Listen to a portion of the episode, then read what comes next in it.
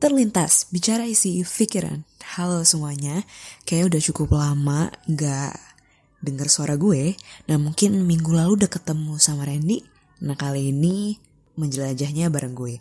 Nah kalau misalkan Randy ke Bali, nah gue bersyukur banget karena waktu gue dapet jeda, waktu untuk menjeda kemarin, gue akhirnya bisa ngejelajah sebuah tempat yang tanda kutip tanah suci buat sebagian kelompok dan tanah suci bagi gue juga sebenarnya. Kenapa disebut tanah suci? Hmm, ini sebenarnya udah ada hintnya di post sebelum ini, sebelum episode ini tampil yaitu karena gue pernah di label tanda kutip wibu. Nah, buat yang belum tahu, wibu WIBU sebenarnya tuh kalau misalnya cari di internet itu memang agak beda-beda. Tapi biasanya gini, um, wibu itu orang-orang yang obses sama pop culture Jepang, misalkan kayak anime, kayak manga, dan mereka nggak cuman obses, tapi kadang tuh mereka sampai kayak ngomongnya dibikin kayak pakai bahasa Jepang, padahal mereka bukan orang Jepang. Jadi kalau misalkan teman-teman tahu, misalkan ada term otaku, mereka yang juga suka banget dengan pop culture Jepang, nah si wibu ini gak tau kenapa konotasinya tuh lebih negatif aja gitu. Tapi nggak tahu aslinya kayak gimana, cuman itu yang gue bisa cari. Nah balik ya misalkan awal, nah gue sendiri pun di label wibu juga. Jadi tapi memang biasanya sih untuk bercanda sih karena gue susah suka aja Jepangan. Di mana gue ada saatnya gue bener-bener apa ya di sekeliling gue tuh gue selalu ada hal-hal berbau Jepang. Kayak misalkan, gue udah pasti waktu dulu gue SMP sampai gue kuliah semester awal, gue pasti baca manga. Dulu gue sebenarnya ngikutin kayak Black Butler, mungkin yang tahu Kurasi Suji. Itu gue ngikutin banget. Terus kayak anime semacam yang dulu misalnya ada Nodame Cantabile tentang piano. Sampai sekarang gue masih nungguin Shingeki no Kyojin. Sebentar ini pendengar masih relate gak nih? Ya intinya kayak gitu lah beberapa judul yang gue ikutin. Terus dulu gue juga bukan cuman itu gue nontonin dramanya. Bahkan gue suka banget sama idol Jepang. Jadi sebelum dulu zamannya K-pop masuk Nah, ada yang namanya J, J-pop. Nah, itu gue bener-bener ngikutin satu um, grup kartun namanya dan kalau misalkan ada nih uh, kalian-kalian yang fans sama J-pop pasti tahu Janis Entertainment. Nah, di situ ada kumpulan boyband boyband idol idol Jepang yang ya secara visual memang menarik kayak gitu. Nah, gue setiap hari itu yang gue konsumsi. Jadi gue bener-bener kayak dengerin lagu Jepang reality show Jepang idolnya Jepang. Bahkan gue juga suka sama Vocaloid. Kalau misalkan yang nggak tahu Vocaloid itu kayak semacam produk suara sintetis sebenarnya.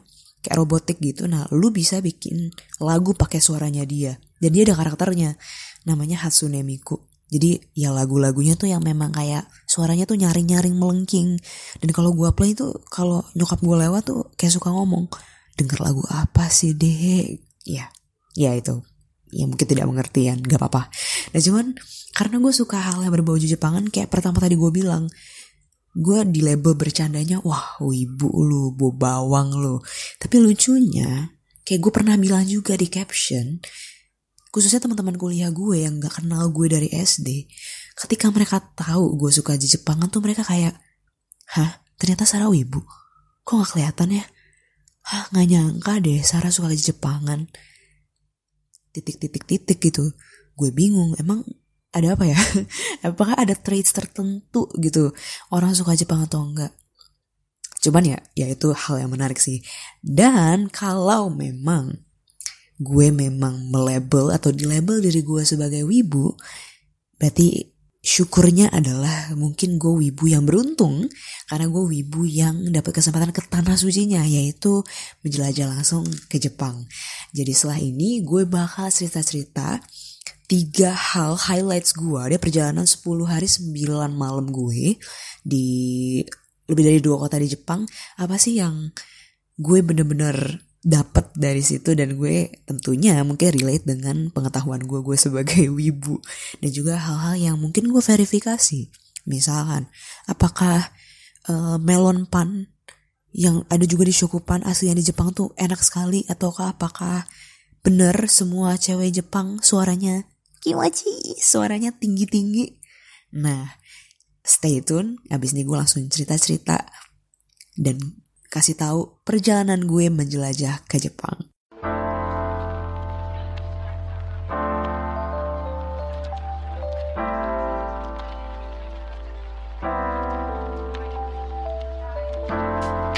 Terlintas Bicara isi pikiran.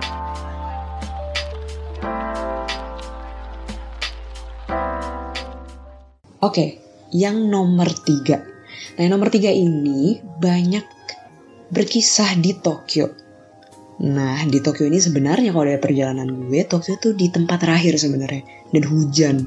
Dan asli itu sebenarnya cukup melelahkan karena beneran hujan dari pagi sampai pagi. Cuman bersyukur adalah ini hujan di Jepang. Kalau ini di Jakarta tenggelam sudah pasti. Cuman tetap sih itu cukup membuat lelah tapi ini tetap seru. Dan satu yang highlight gue suka banget dari Tokyo dan gue bener-bener kayak insightnya banyak itu ketika gue ke Shibuya sebenarnya. Gue inget banget satu komik yang gue ikutin dan mungkin cewek-cewek dulu ikutin ya waktu gue SD atau SMP awal. Itu komik Girls. Nah jadi Girls sendiri itu tuh kayak apa ya? Kalau menurut definisi gue sendiri tuh kayak cewek-cewek trendy Jepang yang up to date banget sama fashion dan mereka tuh ada banyak ada girls yang kulitnya fair kulit putih gitu. Ada yang lebih tan nah tuh bilangnya istilahnya gangguro gitu. Jadi yang kulitnya tan mungkin bajunya lebih lebih vibrant warnanya. Ya banyak lah intinya si girls ini si komik ini ceritain memang dia menggambarkan dan memvisualisasikan Shibuya itu benar-benar kota yang fun banget, yang fashionable banget, yang memang lu bisa nemuin uh, banyak banget orang dengan fashion sense yang fashion style yang beda-beda banget. Dan ketika gue sampai di Shibuya, walaupun itu hujan, ternyata apa yang digambarkan komik itu itu persis seperti apa yang gue lihat dari mata gue. Nah Shibuya itu kayak kota yang cukup metropolitan ya. Gue ngeliat bener-bener pencakar langitnya banyak banyak banget shopping centernya. Dengan kalau lu masuk kayak semua style baju ada. Lu mau yang rocker itu bener satu toko rocker banget. Lu mau yang lolita lolita tuh kayak kayak apa ya ada satu zaman tuh yang orang pakai gaun renda-renda. Nah itu dijual dengan biasa aja. Nah kalau misalnya Indonesia mungkin lu nemu-nemu toko yang kayak wah ini toko kostum tapi enggak di Jepang. Itu baju-baju tuh dipakai sama orang-orang yang lalu lalang di Shibuya. Dan gue bener-bener kayak wow ini bener-bener pemandangan yang menarik gitu. Gue coba inget di Jakarta misalkan kadang tuh fashion style itu kayak setiap zamannya ada wave-nya gitu dan semua orang pakai itu. Misalkan ya contohnya fashion item sendal berbulu. Yuk cewek-cewek pasti biasanya pernah deh pengen atau punya sendal berbulu yang di Mangga 2 40 ribu. Atau minimal di Ruby 150 ribu yang bulunya lebih halus. Ini boleh gak ya sebut merek? Cuman ya itu ada wave-nya.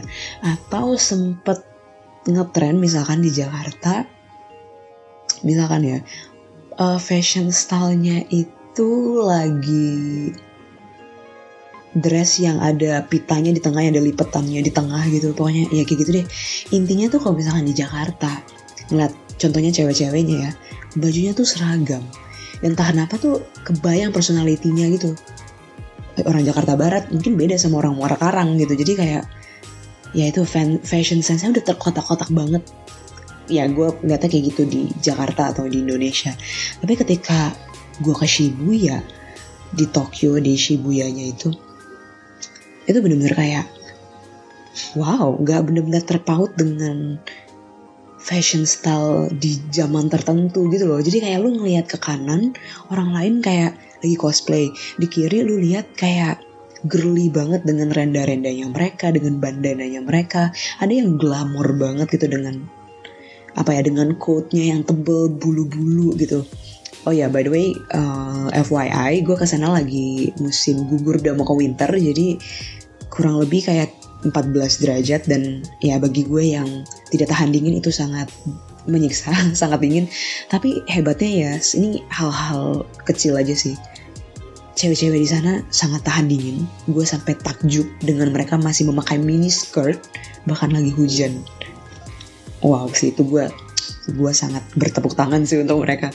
Beautiful is painful sih kadang cuma balik lagi kalau ngelihat dari fashion stylenya tuh bener-bener kayak lu bisa nemuin satu orang dengan identitasnya sendiri gitu. Kayak dengan fashion stylenya dia dia bisa mengekspresikan siapa diri dia. Dan kayak gimana ya kadang tuh kalau di Indonesia gue ngerasanya ya kalau lu beda dikit lu bisa dilihatin dari sampai bawah gitu. Tapi kalau di sana gue ngeliatnya ya nggak tahu sih apakah mereka cuek atau gimana orang-orang dengan baju seunik apa pun mereka, seekspresif apa pun, ya udah mereka jalan dengan percaya diri. Menurut gue ketika ya ini ya ini interpretasi bebas gue aja sih, opini gue aja.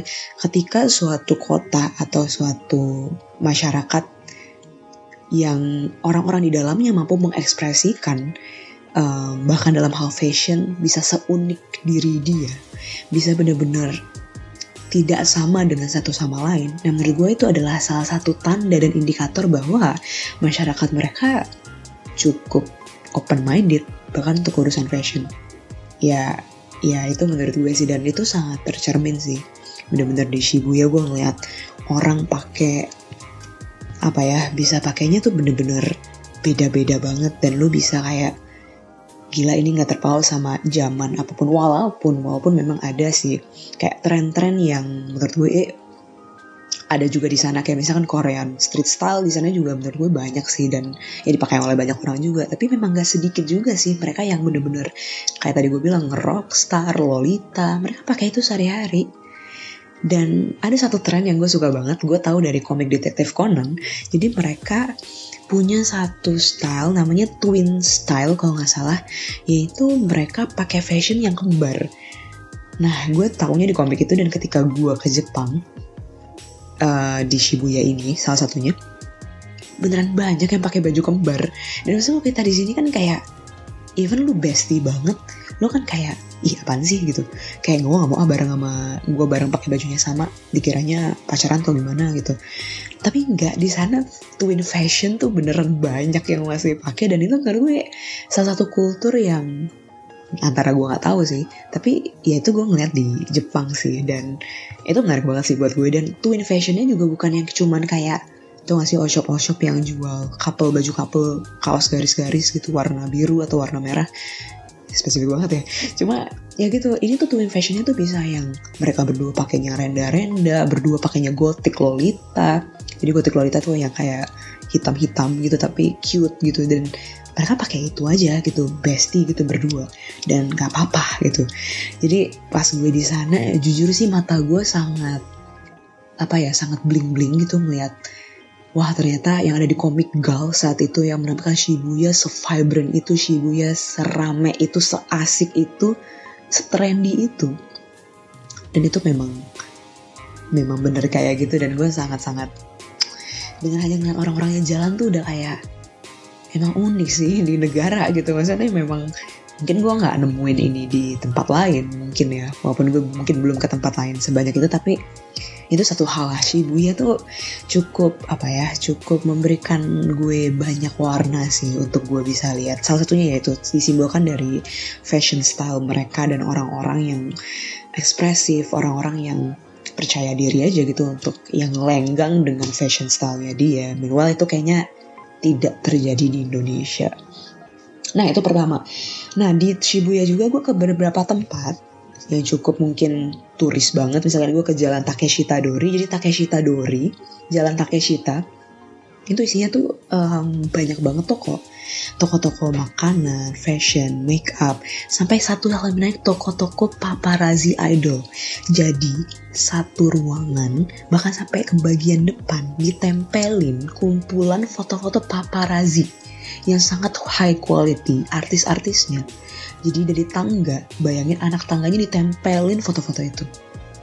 Dan gue sih menemukan idola gue dulu sih waktu gue benar-benar suka banget setengah mati. Cuman kayak ya it's Japan gitu atau gue gak tahu siapa di lain praktik ini juga dilakukan tapi ya itu mereka juga foto paparazzi tapi high quality guys mungkin terdengar creepy Walaupun faktanya menurut gue penonton Jepang nontonin idol salah satu penonton yang paling keren menurut gue karena mereka bisa bener-bener nggak ngeluarin HP sama sekali dari awal sampai akhir. Mereka just enjoy the show. Mereka nggak foto-foto mereka nggak pakai tongsis. Tapi ya dia mereka benar-benar enjoy sesuatu yang mereka beli mereka beli secara legal. Ya mungkin salah satunya dengan paparazzi ini sih. Dan itu gue nggak temuin tempat lain tapi ya ya itu laku laku dan it's so Japan gitu. Dan bener-bener gue yang kayak wow banget gitu. Nah itu dijual satu ruangan isinya foto paparazzi semua. Itu satu hal yang menarik juga sih buat gue di Takeshi Tadori itu. Nah itu adalah pengalaman gue di Tokyo. Lebih spesifik lagi gue di Shibuya ini nomor tiga. Nah nomor duanya nah ini gue udah jalan nih ke tempat lain. Jeng jeng jeng jeng gue main-main ke Kyoto nah di, Tok di Kyoto ini gue jadi pengen ngomongnya Tokyo juga karena mirip. Nah di Kyoto ini gue ke dua tempat yang gue highlight. Pertama adalah ke Kiyomizudera ke Arashiyama. Nah yang menarik adalah jadi kalau misalkan kita baca komik atau drama Jepang wanita-wanita Jepang dengan yukata itu kayak cantik banget terus kayak anggun banget dan kayak wah pokoknya ini Jepang banget. Dan akhirnya pertama kali dalam hidup gue gue coba pakai yukata plus getanya. Jadi getanya itu adalah sendal bakiaknya yang kayu itu. Walaupun gak gitu tinggi sih gue pakai. Tapi pakai yukata tuh salah satu hal yang sangat memorable sih buat gue. Kenapa memorable? Apalagi kalau misalkan lu ke WC itu memorable banget caranya gimana lu bisa kencing pakai kain berlapis-lapis dan jujur pakai beltnya itu jadi kan tuh sebenarnya kain yang bentuknya nggak baju ready to wear gitu jadi tetap harus lu di dibalut berlapis-lapis baju. Lu pakai dulu baju putih dalamnya tipis gitu dipakain kain lagi dikasih apa pinggang lu dikasih kayak tali untuk jaga biar gak gak longgar. Terus lu dibebet lagi dengan kain lagi dibebet lagi dengan belt lagi beltnya dibebet lagi dengan kain lagi yang jadi bentuknya pita wah itu sih jujur gue bener-bener gak kepikiran gimana orang-orang khususnya wanita-wanita zaman dulu di Jepang yang harus pakai yukata setiap hari. Isinya tuh kan kayak kalau gue sih menurut gue tuh kayak apa ya kayak kebayanya Jepang. Jadi tuh sampai mata kaki. Itu sampai mata kaki gitu panjangnya dan wow banget sih preparationnya aja dulu lumayan lu nyewa apalagi pakai jalan. Tapi it's okay. Dan itu gue ngerasa kayak hmm bagus juga ya gitu. Dan gue pakai yukata ini seharian guys. Jadi gue naik kereta pakai yukata gue ngantre pakai yukata gue turun kereta pakai yukata makan di tempat pakai yukata. Dan yang menarik adalah bayangkan kalau misalnya lu pakai kebaya ke KRL orang pasti liatin lu. Apakah lu penjual makanan yang ada di Mangga dua yang bulu matanya panjang gitu. Tapi nggak ini kayak orang biasa aja ngeliat. Ini kayak ya mungkin karena turis memang biasa melakukan itu juga sih. Cuman kayak ya lu bebas aja gitu ke mana-mana pakai yukata dan it's completely fine. Tapi memang kalau ribetnya ya itu ribet. Tapi buat mungkin cewek-cewek yang mau cobain pakai yukata menurut gue kayak cobalah gitu. Karena apalagi yang mau wisuda kayak gue waktu itu. Sebelumnya gue gue lagi mau wisuda seminggu setelahnya gue wisuda lumayan sih gue latihan pakai yukata karena lebih ribet. Cuman ya itu bener-bener kayak pas gue ngaca wow ini memang cantik sih warna-warnanya. Uh, dan itu membuat lu jalan dengan lebih anggun sih. Mau nggak mau karena lu juga susah larinya. Kecuali pas gue nyebrang itu kan ada waktunya ya. Akhirnya gue kayak orang banjir gue angkat tuh yukata gue kayak orang banjir itu gue angkat kayak pakai rok panjang terus gue lari-lari aja gitu dan kayak ya diliatin tapi ya ya udahlah susah soalnya jalannya. Nah itu pertama sih pakai yukata dan ini menurut gue pengalaman yang cukup. Gue merasa kayak wah ini nih rasanya jadi nihonjin gitu. Jadi kayak bener-bener jadi uh, orang Jepang orang lokal gitu pakai-pakai yukata. Dan yang menariknya adalah ini ria sih kayaknya gue gue beberapa kali ketemu orang Indonesia ketemu orang Singapura atau mungkin ketemu yang lain tuh kadang ada aja yang kayak minta foto gitu terus gue bingung lah kenapa minta foto gitu ya mungkin karena ya mungkin muka gue mirip atau apa cuman yang kesel adalah ini salah satu concern orang-orang Jepang. Nah, jadi buat mungkin teman-teman yang mungkin ke Jepang nih bisa juga nih di take notes. Jadi untuk orang-orang Jepang ataupun ya orang-orang Jepang sih yang pada pakai yukata atau kimono, mereka suka banget ngeluh karena banyak turis yang foto mereka tanpa izin.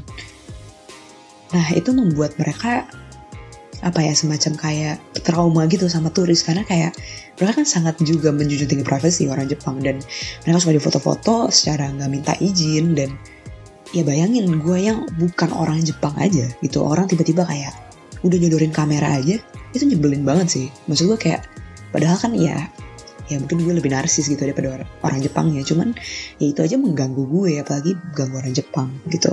Nah, jadi satu hal yang ya itulah satu dua hal yang menurut gue gue juga cukup belajar juga bahwa kan kadang gue juga tergelitik ya untuk fotoin orang Jepang dengan baju uniknya. Tapi ketika gue di sana mau difotoin orang atau orang minta izin pun gue juga kayak e, enggak sih. Apalagi orang Indonesia kayak uh, can I take a photo uh, sorry pak kita orang Indonesia terus dia kaget kitanya juga. Ya bagus lah gitu lo ngerti dan kita nggak mau. Nah itu sih satu hal. Dan itu gue pas pakai yukata gue ke Arashiyama. Arashiyama tuh bambu forest yang akhirnya tuh ada danaunya. Dan asli tuh bagi gue sih tuh bagus bagus banget.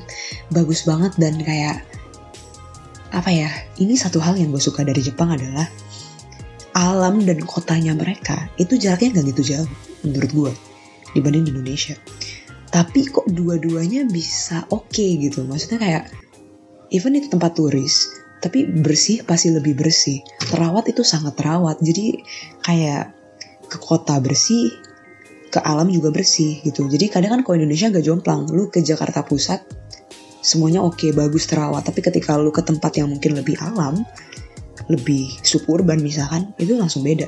Tapi nggak gitu di Jepang ataupun mungkin gue belum ketemu aja yang kotor. Cuman kayak dua-duanya tuh apa ya kota dan alam itu ngeblend banget. Bayangin di Arashiyama itu kan bambu forest gitu bener-bener sebenarnya hamparan bambu aja. Sampai akhirnya tuh danau yang di mana tuh lagi autumn lagi kuning orange semua tuh bener-bener susah sih describe itu memang indah banget. Mungkin karena gue di Indonesia nggak ngerasain autumn nggak ngeliatin warna orange orange dan di sana ngeliat yang jingga jingga tuh kayak wah ini sih indah banget gitu. Dan alamnya mereka sangat terawat bersih banget.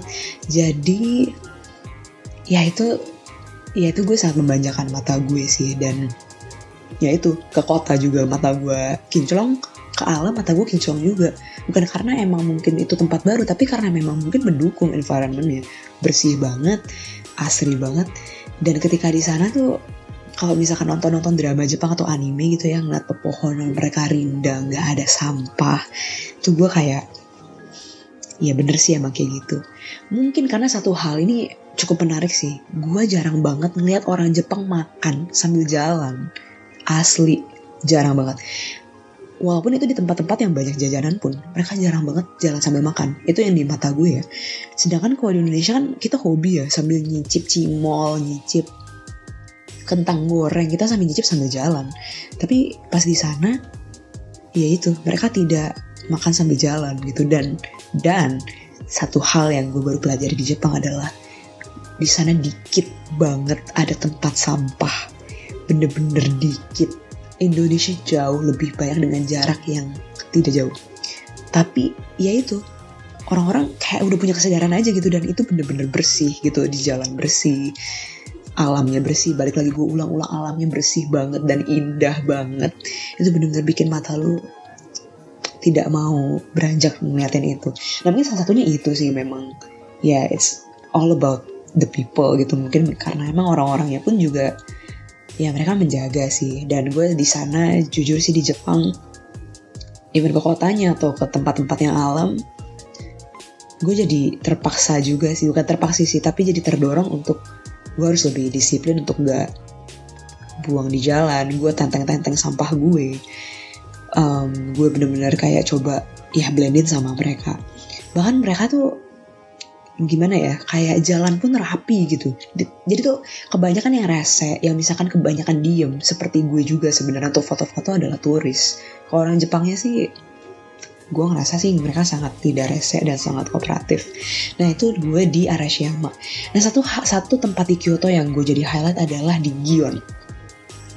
Nah di Gion ini sebenarnya daerah dari geisha-geisha dan atau maiko um, itu mereka beroperasinya di sana. Jadi kalau misalkan geisha, mungkin teman-teman yang pernah nonton juga Memoir of a Geisha, yaitu banyak banget uh, namanya adalah uh, Ochaya. Jadi itu adalah kayak tempat untuk minum teh di mana lu akan dihibur dengan para maiko-maiko ini dengan para mereka-mereka yang punya talent di arts gitu jadi kalian akan diajakin ngobrol ringan terus kan di, disediain teh Nah itu ada di Gion.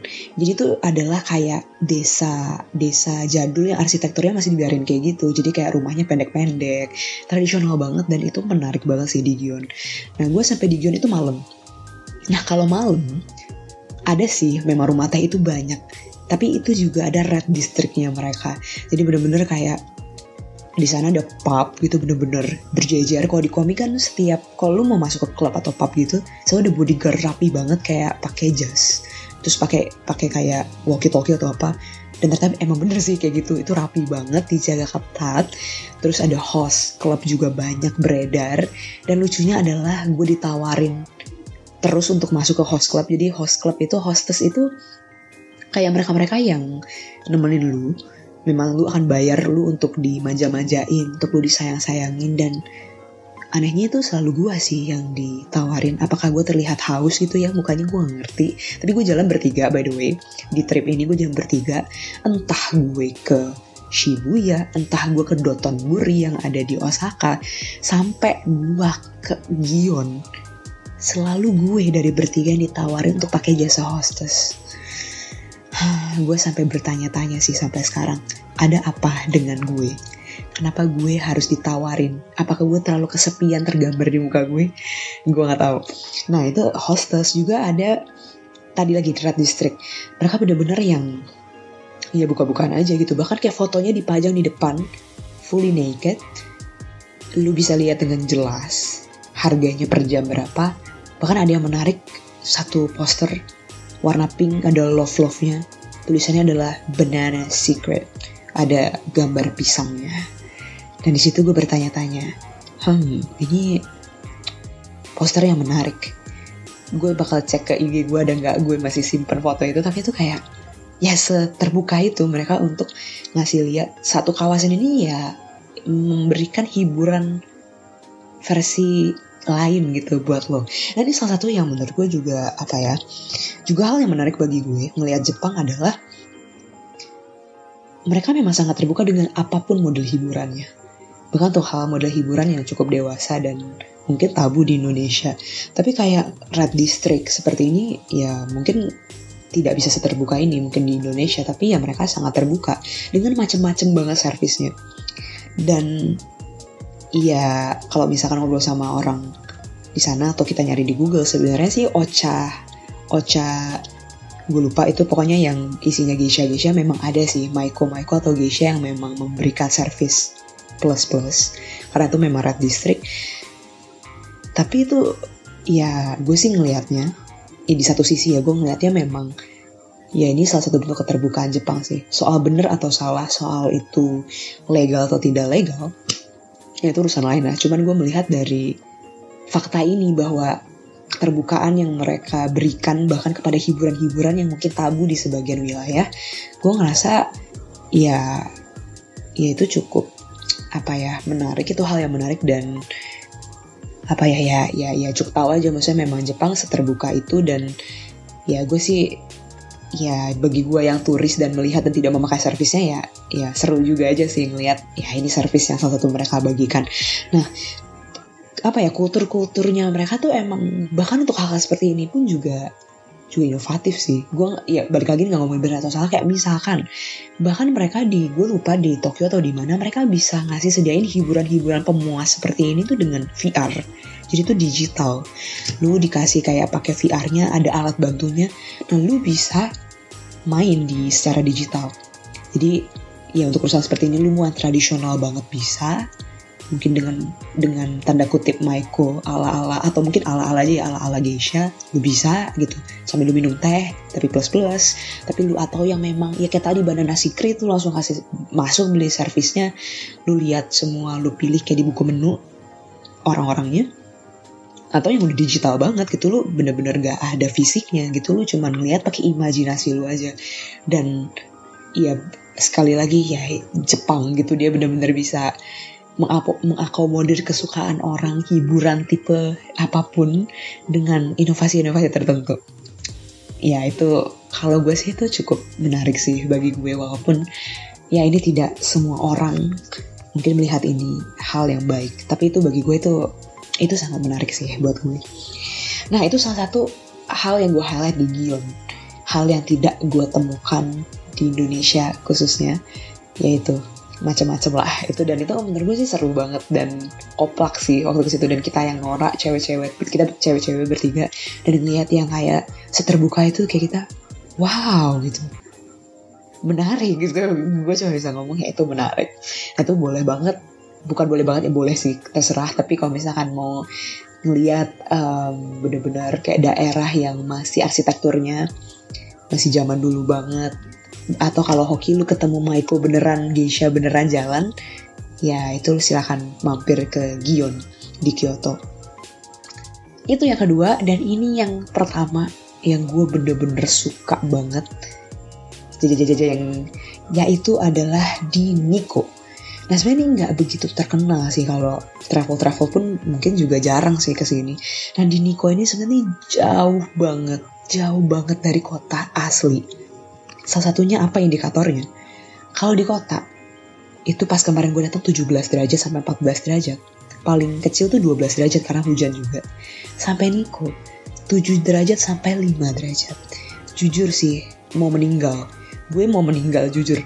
Tiap masuk ke Sevel atau kayak minimarket minimarket kan ada penghangatnya. Gue selalu masuk beli koyo-koyoan yang anget karena itu bener-bener ujung banget dan kayak bayangin ini beneran di jalan lu jalan kaki di trotoar tuh kayak lu bisa melihat itu lembahnya kayak gunung kecil itu lembahnya tuh terhampar di kanan kiri lo dan itu bener-bener yang karena autumn warna orange-nya tuh cantik banget. Asli cantik banget di di Niko ini. Dan di Niko ini gue sempat ngerasain di resort tradisionalnya mereka tidur kayak rumahnya Doraemon beralaskan tatami pakai futon kayak um, kasurnya Jepang. Itu bener-bener kayak itu menarik banget. Apalagi nah ini pengalaman yang gue nggak akan lupa banget. Ada pengalaman gue pertama ke onsen. Pemandian air panas Jepang itu gak pernah gue lupa. Kenapa? Nah kenapa? Eh kenapa? Karena kalau lu ke pemandian air panasnya Jepang lu harus bener-bener naked. Gak ada sehelai pun benang di tubuh lu. Dan itu pemandian umum. Lu akan melihat orang lain tidak memakai sehelai pun juga. Dan lu akan mandi bareng, berendam bareng maksud gue. Lu akan berendam bareng ya dengan mereka. Bisa jadi yang lu kenal, bisa jadi tidak lu kenal. Dengan berbagai macam umur. Berbagai macam bentuk tubuh. Jujur, gue bukan orang yang kayak jijian gitu dan kayak ya gue cukup gak enakan tapi untuk soal ini kayak pertama kali gue diwanti-wanti dari awal. Eh nanti diwanti lu beneran gak boleh pakai baju apa apa ya. Terus gue pas di, masih di Jakarta gue mikir ya gampang lah gue mah bisa kayak gitu. Tapi ketika lu udah masuk ke kamar ganti ngeliatin orang udah pada ganti baju di depan mata lu dan pas lu nengok ke dalam pemandian yang semua orang sudah berwarna kulit dari atas sampai bawah nyali gue ciut asli gue 10 menit ada kayak ini gak apa-apa nih gak apa-apa nih. Asli itu malu banget. Gue kayak gak pernah kayak semalu itu dalam mau melakukan sesuatu. Dan kali itu gue bener-bener malu. Asli banget. Itu bener-bener gue kayak anjir gue mesti ngeliat orang lain punya walaupun ya nggak bakal sengaja mau dilihat tapi kayak ya ngerti gak sih? Gimana rasanya lo lu nekat dengan orang yang gak lu kenal tapi akhirnya ya gue mikir ya udah lu udah nyampe sini ini sensasi baru malu ini sensasi baru yang ya gue harus harus jalanin untuk nyobain kultur ini. Kayak ya udah gue nyebur. Uh, sebelum nyebur uh, tradisinya di Jepang lu harus mandi bersih dulu sebenarnya. Lu harus keramas lu harus sabunan bahkan ada scrubnya. Nah di resort emang luar biasa sih. Lu dikasih shower gel shower scrub kasih uh, kayak krim muka buat kaki lu bener-bener mandi sebersih bersihnya dulu baru lu boleh nyebur. Dan itu lengkap banget sih. Dan gue bener-bener kayak wow ini keren. Sekiranya gue mandi dulu gue masuk gue ngambil bangku yang paling jauh dari orang-orang lain. FYI gue mandi ke onsen tuh jam 9 malam. Udah sepi memang. Di dalam pemandian itu kayak cuman ada gue bertiga dan dua teman gue udah nyemplung duluan. Mereka udah rapih pakai kayak baju tidurnya gitu dan gue baru mau nyemplung. Dan pas gue di dalam pemandian tuh kayak ada lima orang lainnya satu nenek-nenek empatnya tuh kayak cewek-cewek biasa gitu lah dan gue mengambil bangku yang paling jauh dari mereka. Nah udah gue udah mandi gue udah bersih. Gue masih kayak malu-malu banget sebenarnya untuk nyemplung. Tapi ketika lu udah nyemplung di onsen itu asli itu kayak magic banget. Gue nggak tahu apakah gue memang orangnya suka meromantisasi apa pun. Tapi ketika lu masuk dengan ketelanjangan lu ya. Lu nggak bawa HP lu nggak bawa apa pun. Ketika lu nyemplung lu duduk itu emang gak dalam ya. Lu duduk lu ngerasain kehangatan dari airnya. Kayak terus kayak ada aliran airnya tenang gitu lah. Mungkin karena orang juga jalan atau kayak gimana. Itu asli itu relaxing banget. Bener-bener yang kayak gimana ya? Kayak ya lu bener-bener cuman ada lu dan badan lu saat itu cuman ada lu dan badan lu. Lu cuman ngeliat orang lain kalau mau ngeliat liatan lu ngeliatin orang lain males banget kan? Lu akan fokus ngeliatin kulit lu lu ngeliatin rambut lu yang ngambang di air, lu ngeliatin kaki lu. Karena ya, ya saat itu in the, apa ya di dalam present itu ya hanya ada lu dan badan lu gitu. Dan lu akan ngerasain sensasi yang bener-bener pol banget di badan lu hangatnya gimana um, enaknya gimana air aliran airnya tuh seperti apa. Dan itu menurut gue apa ya kayak sembari itu apa ya air airnya itu mengalir dari muka lo dan dan lo dibasuh sama air segede gaban itu sekolam itu itu kayak membawa beban-beban lu hari itu sih. Kayak misalnya saat itu gue capek banget asli. Sebenarnya pas jalan ke Niko itu cukup challenging karena jauh banget. Dan kita pas beli tiket tuh agak bingung karena ya kita nggak pakai tour kita benar jalan sendiri. Dan pas nyari di internet pun kayak oh ini trennya beda nih dari yang ada di internet. Dan itu super capek banget kita telat sebenarnya nyampe. Dan itu kayak ya ya ya capek banget. Dan ketika lu masuk ke dalam onsen itu lu berendam tuh kayak semua beban-beban hari beban-beban di hari itu problem lu susah payah lu itu kayak ikut kebasuh sama air-air itu gitu loh. Terdengar lebay tapi itu yang gue rasain itu relax banget dan ya itu itu bener-bener oke okay banget dan dan kalau misalkan lu lihat drama-drama Jepang atau komik-komik Jepang orang Jepang itu kan suka banget berendam kalau malam-malam dan yang gue tahu di beberapa musim mereka emang gak mandi pagi. Kenapa? Karena mereka emang mandi malamnya tuh kayak ritual bagi mereka. Itu kayak malam mereka akan berendam kayak di onsen. Tapi kan kalau onsen pemandian umumnya dia pemandian sendiri di rumah, mungkin di bathtub atau di kotak gitu. Mereka akan mandi sebersih-bersihnya malam itu. Di mana ya lu habis capek seharian lu kerja naik transportasi umum. Lu nyampe rumah, ya menutup hari dengan lu mau bersih-bersih badan lu gitu. Sembari dengan masalah lu hari itu beban lu hari itu. Itu semua ya lu hempaskan ketika lu berendam lu mandi gitu. Lu bersih-bersih tubuh lu. Ketika lu keluar dari kamar mandi ya lu udah bersih gitu. Nggak cuma bersih secara fisik tapi lu juga bersih dari beban-beban lu hari itu. Dan kayak ya mungkin itu ya. Mungkin kenapa mandinya kalau inget Shizuka kan mandi kusyuk banget ya kitmat banget tuh mandi Shizuka sampai ke beta lama mandi air hangat. Nah mungkin gue ngerasa mungkin karena itu sih karena supah bersih banget gitu. Dan itu rasanya tuh bener-bener lu di kondisi tubuh yang super bersih dan optimal banget sih menurut gue ya itulah tentang mandi, tentang onsen ya gue. Dan ketika keluar dari onsen, gue uh, keringin rambut, gue pakai skincare yang dikasih di resort itu jujur itu keren banget sih. Bener-bener lengkap banget skincare buat cewek-cewek. Cobain di Niko resortnya karena seharian lo kan dikasih produk-produk yang terbaik banget buat sekujur tubuh lu. Dari dalam sampai luar sampai rambut. Wow banget. Tapi itu itu hal sampingan sih hal-hal kecil yang ya yang salah satu yang menguntungkan gue. Nah ketika gue habis uh, mandi di onsen, gue balik ke kamar kamar tatami, itu kayak udah siap banget, udah siap banget untuk um, istirahatin badan. Tapi emang dasar ya, namanya turis kan suka norak. Nah gue sama dua orang teman gue yang lainnya emang doyan banget nyobain ramen-ramenan di Sevel. Jadi deket hotel dengan kedinginan 7 derajat kita masih mau keluar demi beli-beli jajanan di Sevel. tapi cukup sangat membantu karena murah, bikin kenyang kalau lu lapar malam-malam dan hangat. Jadi habis jalan dingin banget tuh hangat masuk situ. Nah ini buat teman-teman yang mau ke Jepang, silakan pergunakan Sevel dengan baik. Kalau mau kenyang-kenyangin belilah makanan-makanan di sana karena udah murah, enak pula. Gue sempat amazed bagaimana mereka bisa punya cheese tart, bukan Hokkaido cheese tart di Jakarta ya.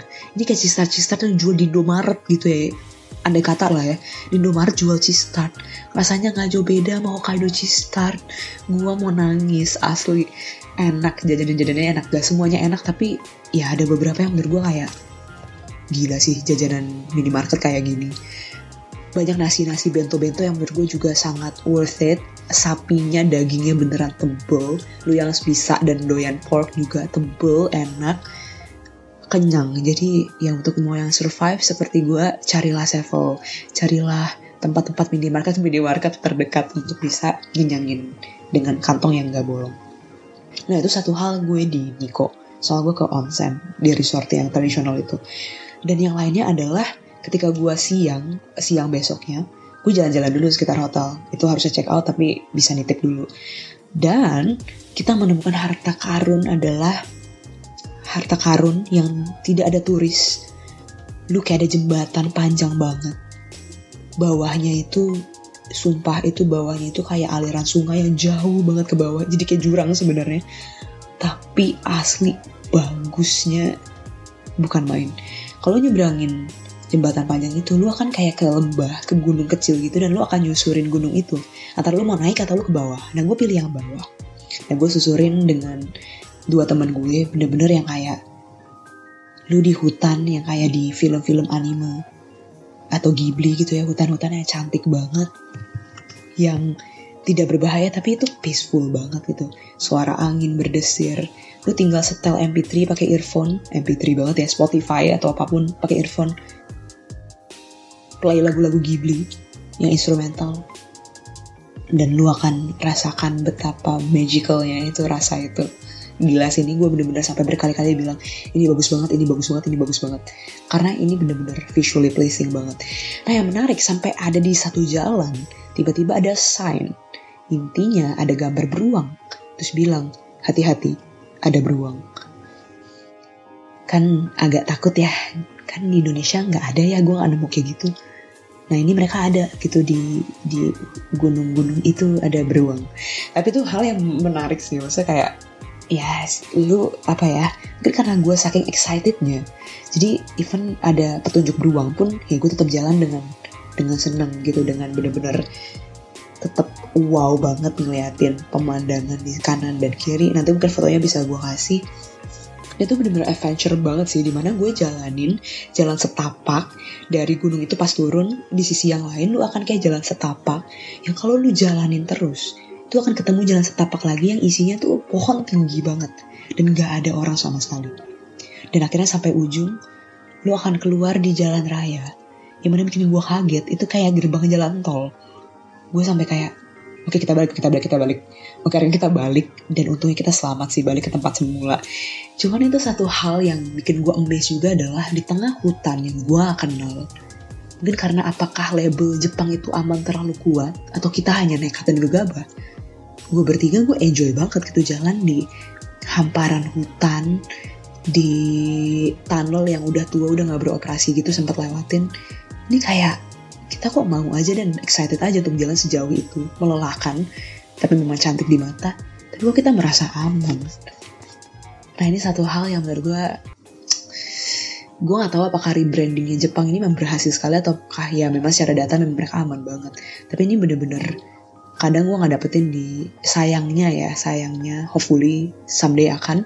Di Indonesia tidak gue dapatkan gitu. Dan di Jepang di tengah hutan yang ada peringatan ada kuma ada beruang kuma atau beruang gue masih bisa jalan di jalan yang masih perbolehkan sih. Masih perbolehkan dan maupun ada suara-suara wik wik wik wik gue entah banget itu suara apa. Gue sampai mau google di YouTube suara bayi beruang itu kayak gimana. Gue takut itu anaknya beruang ya walaupun gue gak nyari juga sih. Kita tetap jalan aja dengan happy. Nah itu ya one of ya magicnya Jepang lah memberikan lu rasa aman. At least bukan lu sih gue minimal gue merasa aman ketika gue jalan ke sana.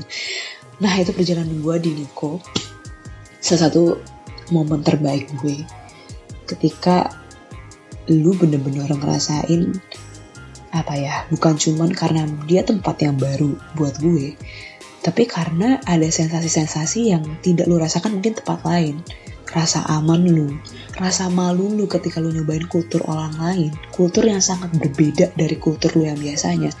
Nah, sensasi-sensasi baru ini yang bener-bener kayak memperkaya gue sih dan gue cukup gak semuanya nyaman. Kayak buka baju di hadapan banyak orang itu tidak nyaman, tapi itu hal yang baru, sensasi yang baru, tapi itu bener-bener kayak uh, exciting gitu kayak ini sesuatu yang baru banget gitu. Dan sesuatu yang kayak bisa membuat gue mengidentify oh ini perasaan gue ketika gue ke daerah ini di Jepang. Nggak cuma di Nikko tapi ketika gue ke tadi nomor tiga ke Shibuya gue ke Tokyo gue ke Kyoto even gue ke jalan yang mungkin Red District gue ke tempat-tempat yang tradisional ketemu sama Maiko di jalan gue ketemu orang mabuk seperti di film-film. Mabuknya juga di mana-mana ada. Gue ketemu ke Miko gue ke onsen gue ke, ke tempat-tempat yang gak bahkan gak ada di tur-tur biasa datengin. Hal-hal yang kayak gitu yang gue kayak wah ini bener-bener penjelajahan yang menarik banget sih buat gue. Nah itu tiga hal tiga highlight gue di Jepang yang menurut gue sangat menarik. Dan tentunya kalau lu orang mampir ke Jepang semoga banget juga bisa merasakan hal-hal yang baru. Hal-hal yang menurut gue bukan cuma kasih lu sesuatu yang senang untuk lu kenang untuk lu bagikan ke teman-teman pas cerita seru tapi juga memberikan lu perspektif yang baru sih. Selalu menyenangkan sih untuk menjalani budaya orang menjalani kultur yang beda banget sama lu nah ini ada hal-hal tiga hal juga yang dari Jepang yang sesuai ekspektasi atau tidak sesuai ekspektasi. Pertama adalah melon pan. Itu adalah kue yang bentuknya melon yang ada di Shokupan atau mungkin di mana pun. Di komik-komik, di drama-drama, mereka menggambarkan itu enak banget. Asli, gue pengen banget coba melon pan gara-gara itu. Nah gue ke Takeshi Tadori tuh. Ada kayak satu toko kecil klaimnya melon pan terenak se-Jepang. Terus artis-artis foto di situ dapat beli. Gue udah excited banget nih. Waktu gue gue ngelipir dari teman-teman gue. Gue mau sendirian ngeliat jajanan. Gue beli tuh melon pan. Ternyata tetot tidak seenak itu. Jujur asli itu overrated banget melon pannya mereka. Terus kedua gue juga pengen banget nyobain takoyaki kayak di komik-komik. Guritanya gede enak banget. Pas gue nyoba tetot biasa aja bagi gue guritanya enak segar tapi B aja buat gue Terus adalah soal ramen Ichiran. Terkenal banget di turis. Gue nyobain enak sih. Tapi ya udah biasa aja. Nggak gue tuh overrated. Nah ini hal-hal yang kebalikan dari Zong, bukan Zong sih, pokoknya di luar ekspektasi gue. Nah ini yang ternyata di ekspektasi gue itu karena gue baca atau gue nonton ternyata sama. Pertama adalah gue tidak menemukan satupun wanita Jepang dengan suara berat. Semuanya moe-moe semua. Jujur, walaupun temen gue bilang sih ada yang berat, tapi gue jarang banget nemuin. Jadi kalau Jepang-Jepang kayak, ini apaan sih karakter Jepang kok imut banget? Enggak guys, mereka emang ngomongnya begitu. Asli, suaranya tuh begitu. Dan gue kayak amazed, kayak kanan kiri tuh dengar suaranya tuh mirip gitu, tinggi dan melengking. Itu pertama. Terus kedua, dan yang amazed ya gue lagi adalah kan pada bilang mereka juga bersih bener ternyata bersih bersih banget jarang banget ada sampah itu kedua. Terus mereka um, juga disiplin. Betul. Orangnya sangat tahu common sense. Orangnya tidak akan apa ya misalkan di eskalator. Kalau misalkan banyak kan yang kayak jalannya tuh kalau di Jepang sebelah kanan untuk yang buru-buru kiri tuh untuk yang yang gak buru-buru. Jadi kayak berbaris gitu di eskalator. Dan iya itu memang terjadi. Walaupun tidak semua daerah kayak gitu tapi nggak ada yang berantakan dan kebanyakan sih kayak gitu mostly kayak gitu. Bener-bener kayak di film. Kanan untuk berburu kiri untuk jadi disiplin. Dan gue yang di orang Indonesia yang mungkin nggak pernah kayak gitu alhamdulillah syukurilah gue pun juga ikut harus seperti itu dan cukup disiplin di sana. Nah itu beberapa hal yang gue dapet yang menurut gue kayak sesuai ekspektasi gue dan bener kayak gitu. Dan satu hal nih yang magic buat cewek-cewek adalah poninya mereka kok bisa nggak lepek asli rambutnya mereka tuh bagus banget. Dan kayak kena angin kena badai juga begitu lagi rambutnya. Nah itu satu misteri yang kayak gue selalu ngeliat mereka kayak di idol idol Jepang AKB48 itu rambut bagus banget. Tentang orang biasa di sana ibu-ibu mbak-mbak kakak-kakak di sana. Rambutnya emang bagus-bagus banget. Nah itu yang sesuai ekspektasi gue kayak wah sama nih ternyata. Nah itu tiga hal atau lebih ya gue lupa yang sesuai ekspektasi gue atau tidak sesuai ekspektasi gue ya, pas gue menjelajah Jepang. Well ya itu yang gue rasain sih. Mungkin beda mungkin lo yang pernah ke sana atau yang nanti ke sana yang mungkin beda-beda tapi ya itu sih yang gue dapat gitu dari dari itu. Ternyata ada juga yang gak sesuai ekspektasi gue juga kok di Jepang. Dan jadi walaupun kesimpulannya sih ini penjelajahan yang menarik banget buat gue. Even gue suka banget di Jepangan di label wibu tapi tetap Jepang tidak selalu gue dewakan tidak semuanya baik dan semuanya menyenangkan tidak juga. Ada hal-hal yang tidak menyenangkan tapi justru itulah namanya kekayaan sebuah budaya gitu. Yang Jepang mungkin sebuah kelebihan mungkin di Indonesia itu sesuatu yang tabu atau justru kekurangan. Mungkin di Jepang um, itu sebuah kekurangan tapi justru mungkin di Indonesia sebuah kelebihan. Dan menurut gue inilah balik lagi gue ulang-ulang terus sih sorry banget Itulah asyiknya budaya dan kultur. Fleksibel, tergantung orang-orangnya, dia selalu berubah, dia selalu mengikuti um, mungkin kondisi sosial masyarakatnya. Dan dari apa ya plus dan minus yang gue jelajahi di Jepang ini menjadi penjelajahan yang memperkaya gue banget sebagai manusia sebagai mungkin sebagai ibu yang tidak dianggap ibu. Ini memperkaya dan memberikan perspektif yang baru banget menyenangkan banget dan seru banget untuk diikutin. Nah, jadi itu aja yang bisa gue share. Banyak banget sebenarnya mau gue share, tapi ya mari kita bersua di lain waktu. Semoga penjelajahan gue yang gue share ke kalian juga bisa menarik, bisa juga memberikan gambaran mungkin ya itu Jepang dan persepsi gue seperti apa.